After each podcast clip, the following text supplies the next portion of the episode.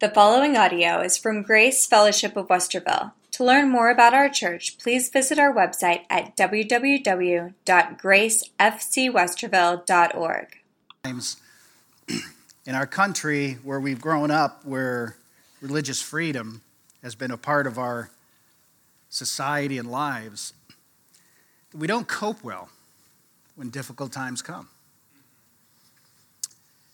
We've kind of created this Christianity that's built on success, peace, comfort. If you trust God enough and you believe His word enough, then all things should be good, right? And I think it's very difficult for the average Christian today to cope when trials come. That's why I appreciate that song, Jason, because it speaks to the heart that we often talk about, but seldom practice in our lives. And this morning we come to a very unique topic because I didn't want to just leave Joseph's arrest and move on.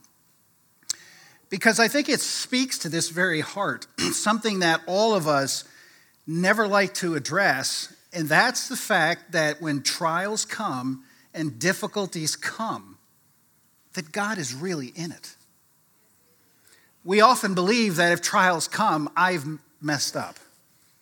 Somebody is messed up for me. And we've lost the true understanding that God is working in every way. So, when faith is tested, how do we respond? Let's pray. Father, I pray this morning that as we look into this topic that is so real to every person in this room, maybe not today, maybe not tomorrow, but maybe it was yesterday and maybe it will be next week. But the reality is that there's a purpose in our testing. There is a goal that you perform in each one of our lives. And so I pray that we would look at this this part of Joseph's life where he is going to endure some of the most difficult testing that everyone, anyone could. I pray that you would open our minds and hearts to receive the will of the Lord. And we'll praise you in Christ's name. Amen. If you're in Genesis chapter 39, we're going to look at verses 13 to 20. And as soon as she saw that he had left his garment in her hand and had fled out of the house. She called to the men of the household and she said to them, See, he has brought among us a Hebrew to laugh at us. He came in to, to lie with me, and I cried out with a loud voice. And as soon as he heard that, I lifted up my voice and cried out. He left his garment beside me and fled and got out of the house. Then she laid up his garment by her until his master came home. And she told him the same story, saying, The Hebrew servant whom you have brought among us came into me to laugh at me. But as soon as I lifted up my voice and cried, he left his garment beside me and fled out of the house.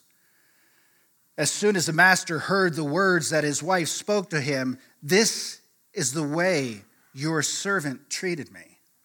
His anger was killed, kindled and Joseph's master took him and put him into the prison, the place where the king's prisoners were confined. And he was there in prison.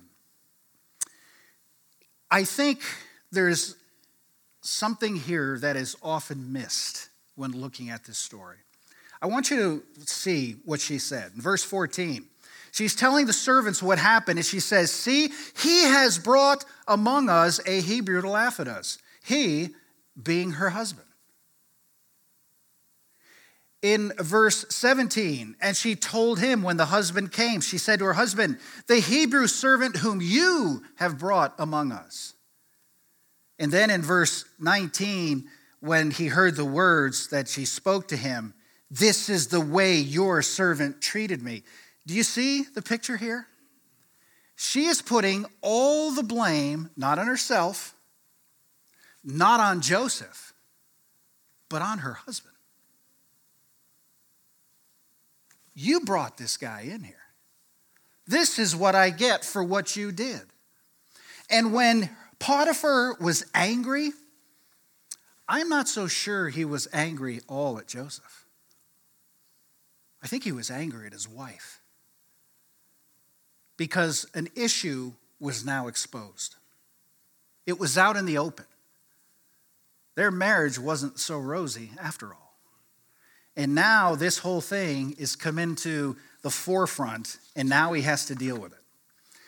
So I want to ask you a question this morning. Why be good? Why live this biblical life? Why walk the line with God when this is the kind of things that get you? Now, we know that at the beginning of his imprisonment, Joseph was treated quite badly. In fact, you're probably not even aware of this because in all of the story of, jo- of Joseph in Genesis from chapter 37 to 50, it's never mentioned. But when Joseph was first sold into slavery and now being put in prison, we have to go to Psalm 105 to understand something. You see, in Psalm 105, God is talking about all the wonderful things he's done for his people. And he talks about bringing a famine upon the land, but then bringing Joseph in to take care of it. But Joseph comes in in a very unusual way. And in Psalm 105, verse 18, it says, His feet were hurt with fetters, his neck was put in a collar of iron.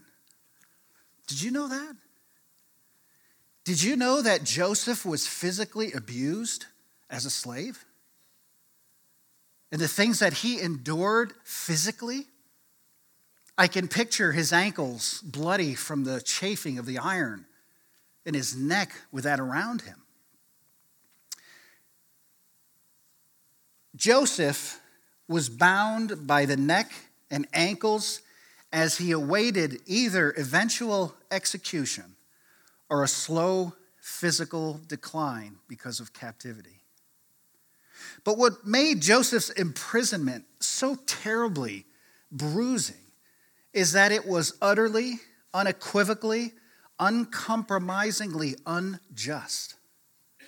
In fact, it was worse than that. It was the precise opposite of what Joseph should have received for his steadfast refusal to commit fornication with his master's wife. It was the opposite of what he should have received from Potiphar. Now, there's, there's a cynical saying that the husband or the wife is the last to know. But it's hard to think that Potiphar could have been totally unsuspecting of his wife's infidelities. But Potiphar was a man in high position. And people in high position have to keep up pretenses. And who would side with a slave? she forced his hand. Potiphar was in a no win situation. Sin is no less prevalent on the main line than it is with the poor. And Potiphar may well have been covering up before this, but she made it public. And now he has to deal with it. It's true that the text says, says that he burned with anger in verse 19, but there are different kinds of anger. And he may have been angry with the situation or with the fact that it had become public and he had to deal with Joseph. At any rate, if he had really believed the wife's story, he probably would have had him killed. But instead, it says he merely put him in the king's prison, verse 20. So, what are we to suppose Joseph thought of this? I doubt he was thinking about the quality of the prison. No doubt he was thinking about how he got there. If Potiphar had investigated truly the situation and was really convinced that Joseph had done this, then he should have been killed because it was a punishable offense by death. But if Potiphar did not think Joseph was guilty, then he should have released him back to his duties, or at least sent him to another post, or at the very least, sold him to someone else. Joseph felt his injustice from his master, but he must have felt an even greater injustice from God. After all, that's whom Joseph was really serving. True, he, he was serving Potiphar, but Joseph was doing what the Apostle Paul would later tell slaves of his time in Colossians 3 23 through 24. Whatever you do, work heartily as to the Lord and not for men, knowing that from the Lord you will receive the inheritance as your reward. You are serving the Lord Christ. So let me make a statement that probably won't sit well with everybody. Joseph had been serving God, and it was God who put him in prison. That's hard to get your hand around. To understand this, let's go back to Psalm 105. I read verse 18, but let me add verse 19 to it. His feet were hurt with fetters, his neck was put in a collar of iron until what he had said came to pass, and the word of the Lord tested him. What? Tested him? It wasn't enough that his brothers rejected him? It wasn't enough that he was sold into slavery in irons and shackles? It wasn't enough that he, in his state, did the very best he could for Potiphar. He obeyed God, he obeyed Potiphar, he did everything to be the absolute best. And now prison? Seriously? Why must we, must we be tested? You see, there's a plan ahead for Joseph and he must be unshaken in his ability to carry out the task. He must be able to trust God completely no matter what. And you see, we have been taught, no, we've been trained that testing and trials are wrong. That God is too loving and kind to ever allow that to happen to us.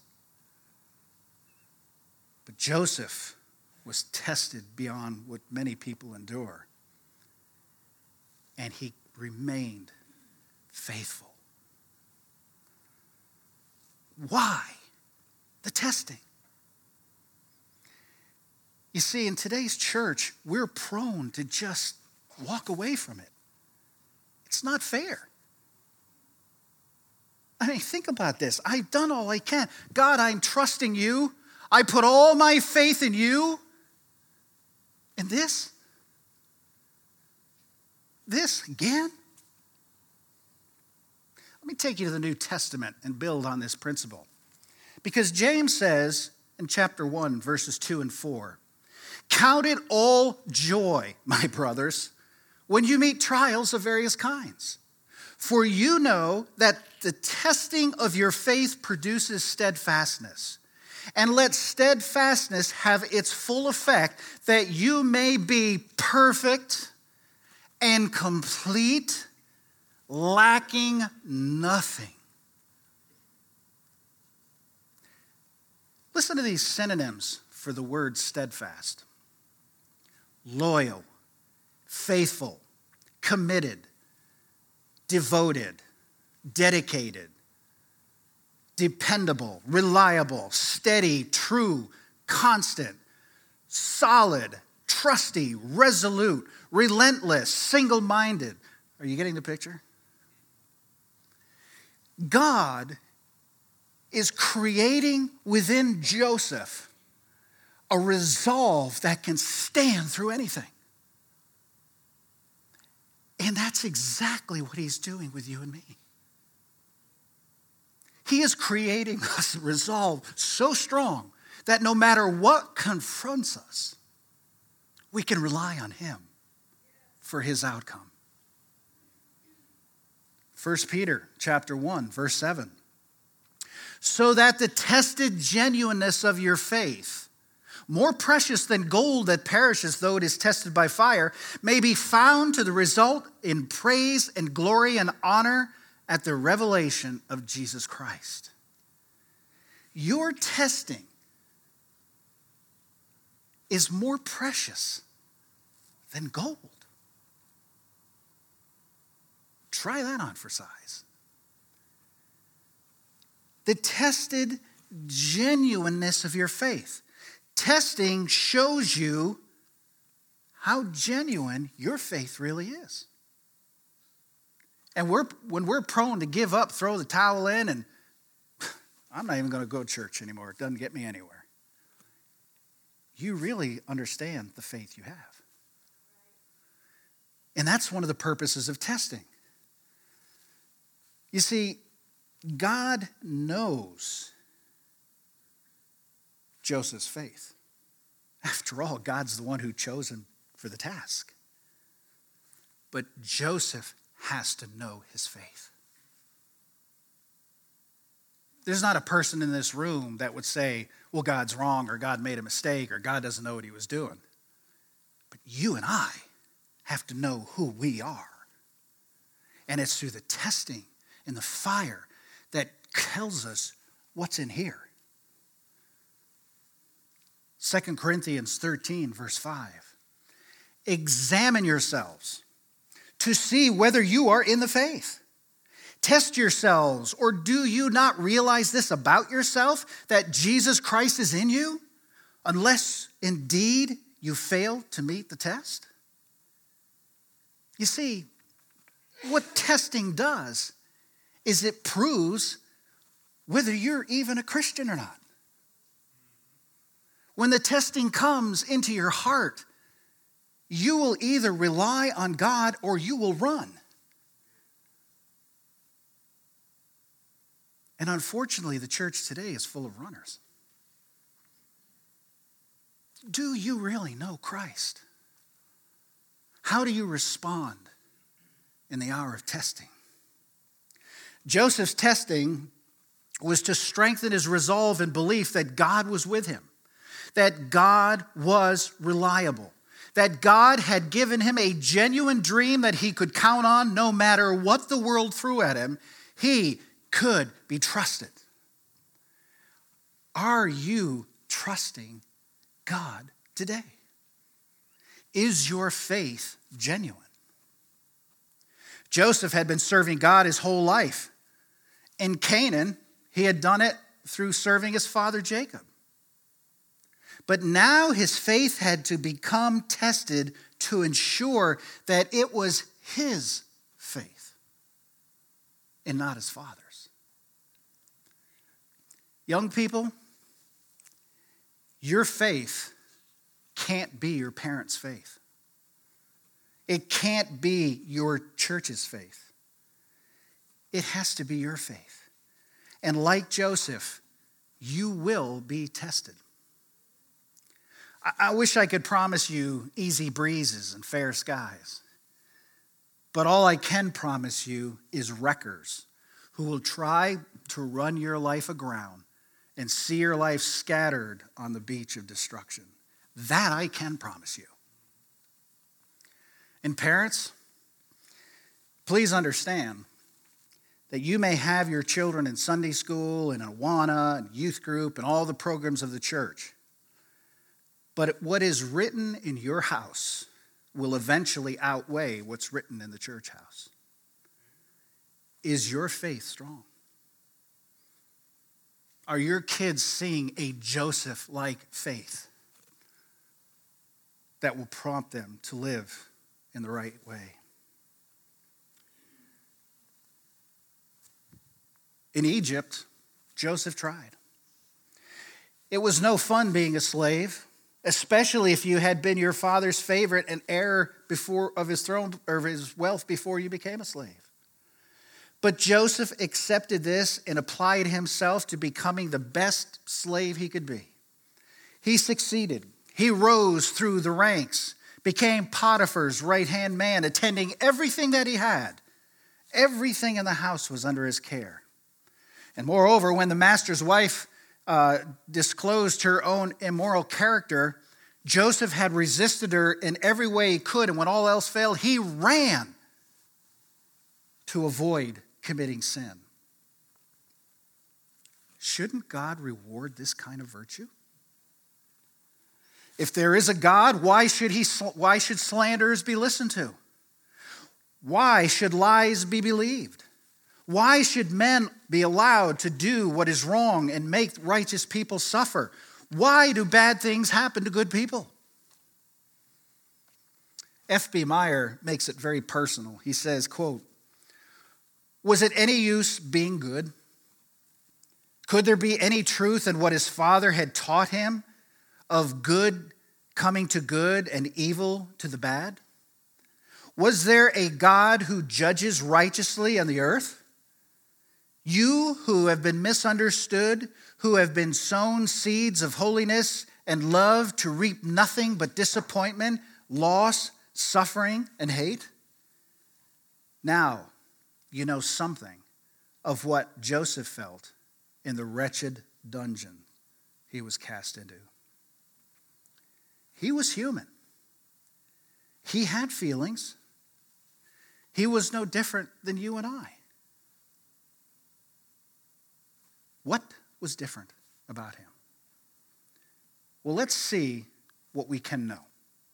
Let's look at what we can know and understand. I suppose we all know something of what Joseph felt in that Egyptian prison. But I wonder if we really know what Joseph knew. Of course, knowing what Joseph knew was a secret to victory in his uh, distressing situation. It was what made Joseph increasingly tender and kind through the most horrific situations. It was what caused Joseph to continue to step forward for God, for God, for God, for God. Now, there are many things we could write, but let me just give you three this morning. Number one, his suffering was not for evil he had done. Since he was being slandered and persecuted for righteousness' sake rather than for anything evil he had done, suffering proved that he was God's man and not a product of, his, of the present evil world. You know, this is what Jesus had in mind when he said in Matthew 5 10 through 12 Blessed are those who are persecuted for righteousness' sake, for theirs is the kingdom of heaven. Blessed are you when others revile you and persecute you and utter all kinds of evil against you falsely on my account. Rejoice and be glad, for your reward is in heaven. For so they persecuted the prophets who were before you. Jesus meant that those who followed him can be happy in persecutions because the persecution revealed that they are truly followers of Jesus Christ. If Christ was persecuted, you're going to be persecuted. It's just a fact of life. Joseph could have said, You know, things are going badly. In spite of all I've done to obey God, in spite of being good and resisting temptation, I get into prison for this? I'm done. I'm, it's over. He could have said that. And everybody would have totally understood. But that's not what he did. He didn't do it because he believed God and he took God at his word. Years ago, that dream that he received as a small boy was so real to him that it kept him pushing forward. It kept him focused on what was going on. And for you and I, when we're in the Word of God and God relates the Word to us and guides us, that's what you and I are to hang on to, and not what's going on around us. You know, it seems like Christianity today, is all about the culture. And we try to use the Bible to help people in the culture instead of using the Bible to change the culture. Joseph would not be moved because God gave him a word and he was never going to turn his back on it. If you know God as your Savior, if you know Christ, then this word is his word to you. and it can be trusted.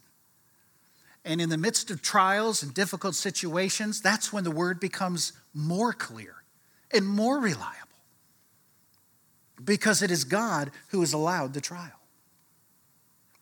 Number two, God was molding his character. Since Joseph had faith in the sovereignty and wisdom of God, which his whole life demonstrates, he must have known that suffering was being used by God to mold his character. God had been doing it already. He, he must have seen how his years as a slave deepened and matured him. Because the more trials he experienced, the more deeper his response. God had been doing it. Why should he think it would be any different now? Persecution has always been used to help believers along the road of practical holiness to make us more like Jesus. Peter knew this, and that's why he wrote, and I've already related one verse, but that's why he wrote in 1 Peter 1 6 and 7. In this you rejoice, though now for a little while, if necessary, you have been grieved by various trials, so that the tested genuineness of your faith, more precious than gold that perishes, though it be tested by fire, may be found to result in the praise and glory and honor at the revelation of Jesus Christ. You know, you may not find the reward of your faithfulness till you see Jesus. You may not get it in this life. And that's why he says it'll be found to the praise and glory and honor at the revelation of Jesus Christ. Can you be content with that? Can you walk this life in perfect faith and perfect trust, no matter how hot the fires are? Knowing that there will come a time when you will stand before him and he'll say, Well done, thou great and faithful servant. That day is coming. And that day ought to encourage every one of us, no matter what happens in life. There is a day coming when He will be glorified. It's the refining process to purify us. No one escapes it. No true Christian, that is. It reminds me of a story that's been told for decades and decades, and you've probably heard it. But during the Depression, there was a man who, who lost everything. He lost his job, his fortune, he lost his home. one day he was walking down the street in deep depression. And he happened along a construction site where they were remodeling a church. And he noticed a stonemason with a hammer and chisel chiseling away at this stone, making it into a, a triangle. And he stopped, intrigued, and he said to the stonemason, What are you doing? And he said, Look way up at the peak. He said, You see that opening at the top? He said, Yes. He said, Well, down here, I'm chiseling and molding it so that it fits perfectly up there. And you see, God is molding every one of us to His glory. Can you accept the fact that when things aren't going well, He's molding you for His glory? Because that's exactly what's going on. Number three, persecution will reveal the power of God. Joseph must have known and clung to this fact. If everything is going well with you and you're rejoicing, you're no different than any of the unbelievers. They also rejoice when things are going well. But when you are able to rejoice when things are not favorable, then Jesus Christ may be clearly seen in you. The natural power of an omnipotent God is revealed in you. Persecution is the dark background for the supernatural radiance of Jesus Christ in your life. It is the trial that you truly find out who you are. and who you are radiates like a beacon in the night the glory of God. And you and I have the distinct opportunity to be beacons for Christ when the bottom falls out. That's when Christ is seen. Amen? So, understand then that persecution is ultimately for righteousness. Be sure that when you are persecuted, it is for righteousness' sake, which was the case with Joseph. Jesus Christ is our model. And when Christ came, he exposed the filthiness of the world. And before he came, the world was a terrible place. People lived, anything goes. But when Jesus came, the world hated him because he exposed them. And they sought to eliminate that exposure. They wanted to get rid of him because of how he made them feel about themselves. And it's the same way today. People hate any exposure of their sins by Christ or his followers. And that's why Jesus said in John 10, verses 20 through 23 Remember the word that I said to you a servant is not greater than his master. If they persecuted me, they will also persecute you. If they kept my word, they will also keep yours. But all these things they will do to you on account of my name, because they do not know him who sent me. If I had not come and spoken to them, they would not have been guilty of sin. But now they have no excuse for their sin. And now he ratchets it up. Whoever hates me hates my Father also. Is Jesus Christ seen in your character?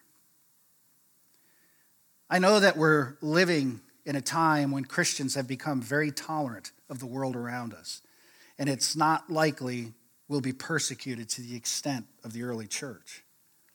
But it is also true that much of our Christianity has sunk to the level where it is hardly noticed by the world. The world, for now, has become tolerant of us, but we have become far more tolerant of the world. So, the question I would ask you this morning in closing Who are you? Are you a genuine Christian? Do you live for Christ? Is he at the center of your thoughts, your heart, the things that you do, the things that you say, the goals, your aspiration, the focus of all you do? Because it's only when you make that surrender that you can begin to understand what he's doing in your life. But the greatest joy is that if you know Christ, he's working in you. It's an endless process, it'll never end. It will never end because he's molding you and fashioning you and con- making you conform to his image that you can bring glory to him. And what do we always say? Because it's not about me, it's all for him. And that great, loving, compassionate God who loved me so much gave us Joseph so we could see how he coped in the very same things you and I go for. Oh, we're not in shackles. You know, none of us are slaves here. They feel like it sometimes. But we're not. We have a free country. We have a free church. We can worship as we, as we see fit. But God will never stop working in you until we're conformed to his image. So the big question is are you ready to give in? And let him do what he wants to do. And then be able to see how marvelous his plan really is. To be able to look and say, that's what you were doing. Man, am I glad I didn't miss it. Lord, I give you everything you're far better with it than I am anyway. Can we do that this morning and give in to his glorious plan, whatever it is? And Father, we thank you this morning for what you did through Joseph. I am so thankful that Joseph was a man who lived an example that could be recorded for me today. I am so thankful to know that this is a man who, no matter what he faced, he remained faithful to you. And what that proves us is that, yes, it is possible to do that. Especially when we know that we've been given this volume of 66 books to instruct us in everything. And that we have the Holy Spirit living within us who wants to take over and guide us. We have it so much better than Joseph did. I pray, Lord, that today we would make that ultimate decision to give up once and for all and let you do the work you've intended to do.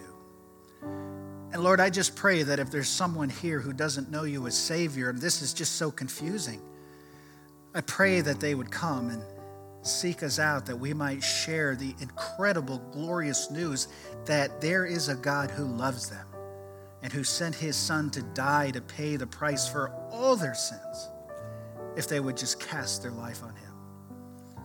Encourage us, I pray, Lord, and may we leave this morning with a desire to turn our lives to you for your glory, and that people would be able to see us and know what you look like because of our lives. We thank and praise you in Christ's name. Amen. God bless.